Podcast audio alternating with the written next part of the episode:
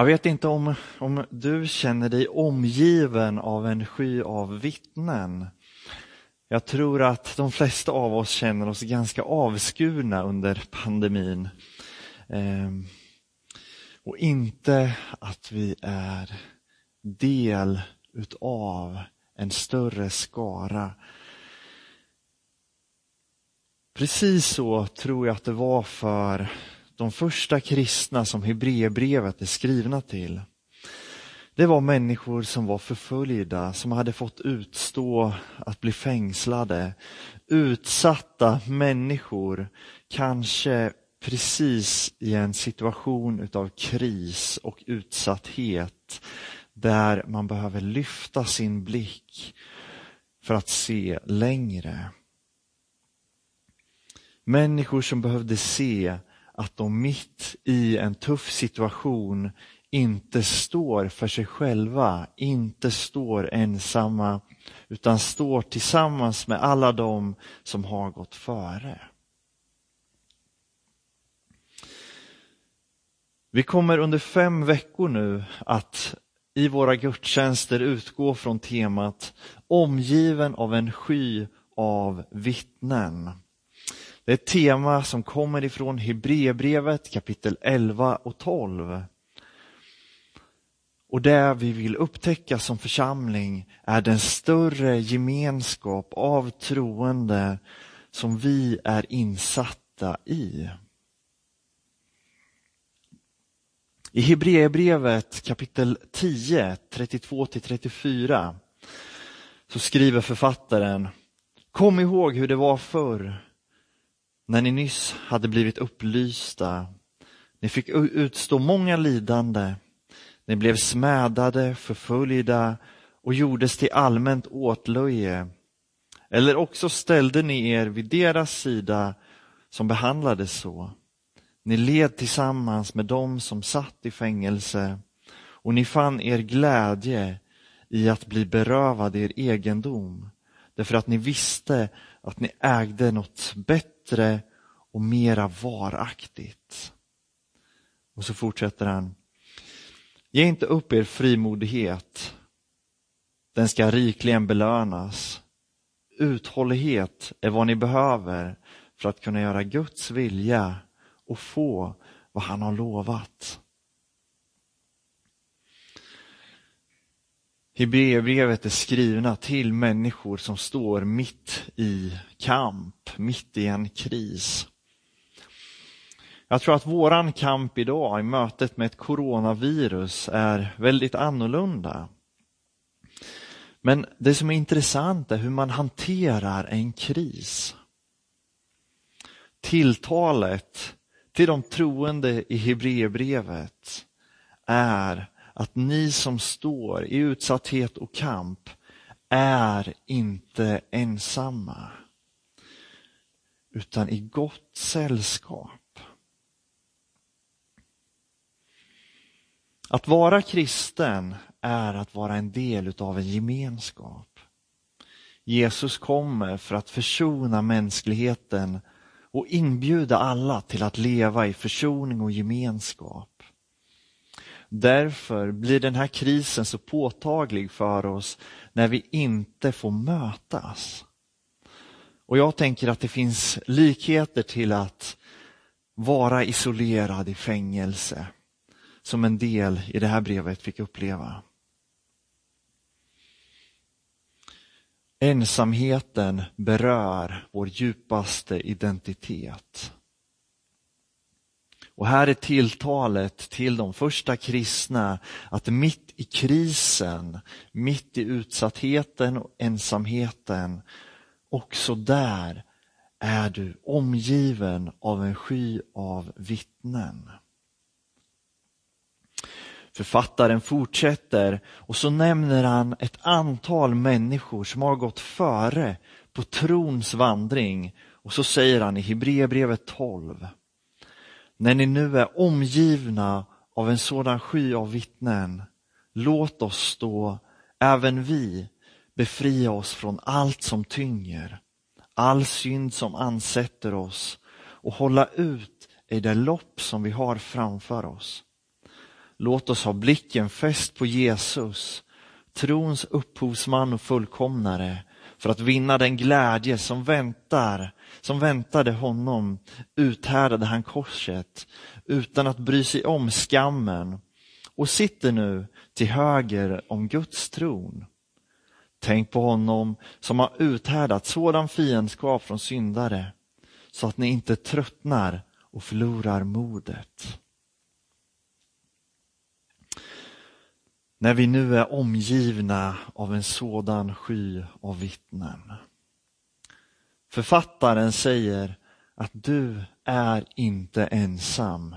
Du är del utav en historisk gemenskap. Den väg som du har vandrat har många vandrat före dig. Du kanske känner dig ensam, men andra har gått där du går före dig. På trons vandring så får vi sluta upp med Abraham, Mose, Rut, Jefta, Rachav, Noa och många fler som författaren räknar upp. Mitt i ensamheten så är du inte ensam. Vi får stå tillsammans med generation efter generation som har stått i samma kamp som du står i. Vi får stå tillsammans med människor som sällan fick se det de kämpade för uppfyllas, men som till slut fick stå som segrare. Hebreerbrevet är skrivet till människor som är på väg att ge upp, som känner att motgångarna är stora och tunga. Och kanske står du där idag. Kanske är du också på väg att ge upp. Det senaste året har krävt mycket av oss. Och jag tror att många av oss har upplevt en ensamhet som har varit utöver det vanliga. Men där säger författaren, du är inte ensam. Abraham, Mose och Rut står där du stod. Det kristna livet har aldrig varit enkelt för att det mänskliga livet inte är enkelt. Men vi står aldrig ensamma i kampen. Kanske kan vi uppleva det så, men det är inte sant. Utan sanningen är att Gud är med oss. Jag är övertygad om att Noa upplevde sig lämnad av Gud när han stod och byggde sin båt. Mose kände sig uppgiven och ensam när folket gång på gång vände sig bort ifrån Guds vägar. Men Gud var med och Gud var trofast.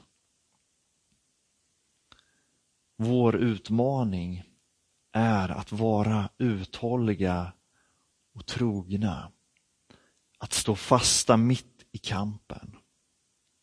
Därför skriver Hebreerbrevets författare Låt oss ha blicken fäst vid Jesus, trons upphovsman och fullkomnare.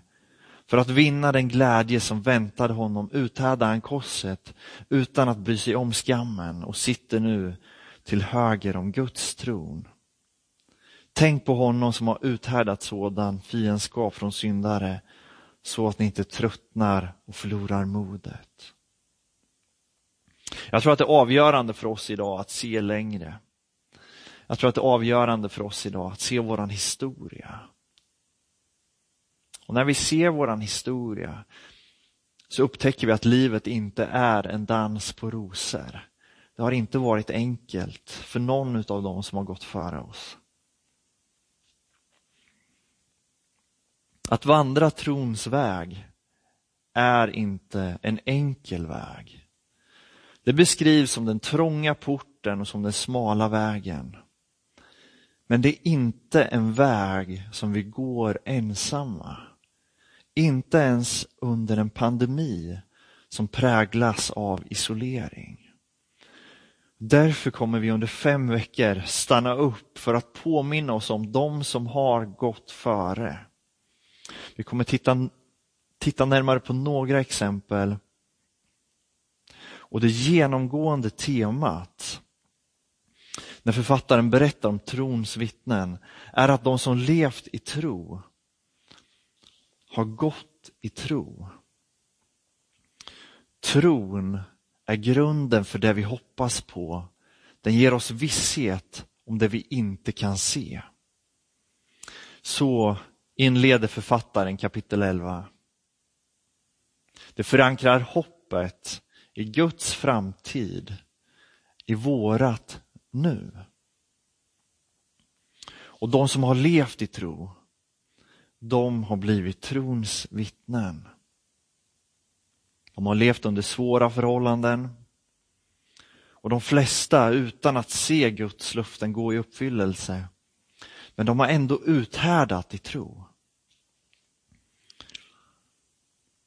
Efter att författaren påminner om de som har gått före så säger författaren att han hade kunnat räkna upp fler, många fler, men tiden räcker inte till. Ni fattar poängen. Tron är grunden för livet.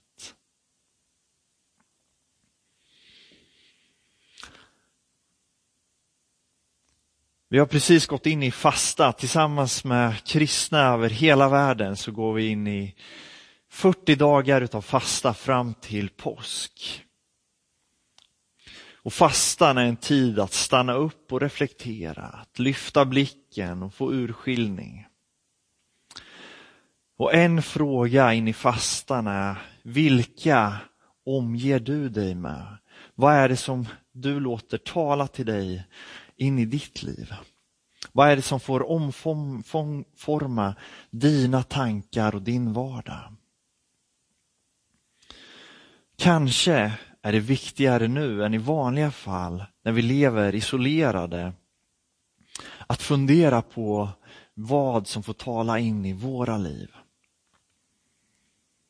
Vad omger du dig av? Och jag tror att vi behöver omge oss av människor av kött och blod. Människor som har vandrat före oss och som har vandrat på den väg som vi vill vandra. Den kristna berättelsen är inte en berättelse om människor som har varit perfekta och lyckats med allt.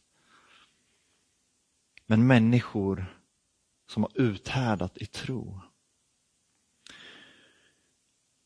Jag tror att vi får sluta upp med människor som har gjort misstag, som känt utsatthet och varit ensamma. Men som har fortsatt för att de har anat ett annat mål där framme.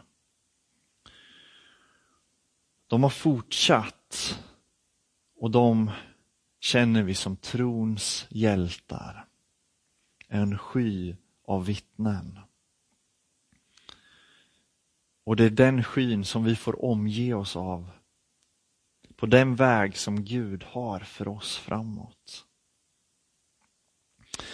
Och min utmaning till dig nu när vi går in i fastan är att fundera på vad omger du dig med? Kanske behöver några av oss skala av vissa saker för att istället omge oss av de som har gått före i tron. Jag tror att vi kanske upplever oss ensamma. Men kanske behöver vi inte göra det. Kanske får vi stanna upp och inneslutas i den gemenskap det är att stå tillsammans med dem som har gått före.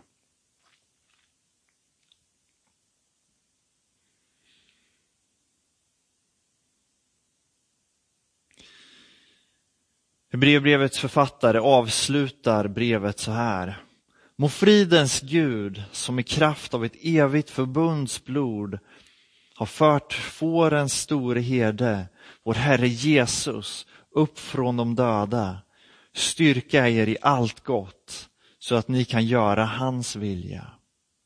Må han låta det som behagar honom förverkligas i oss genom Jesus Kristus hans härligheten i evigheters evighet. Amen.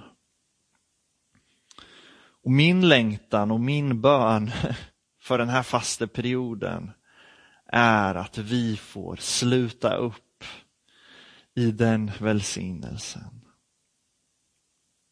Att vi får bli styrkta i att göra Guds vilja. Att leva i tro. Och det är min bön att vi ska få sluta upp med alla de som har gått före. Du är inte ensam. Livet är tufft.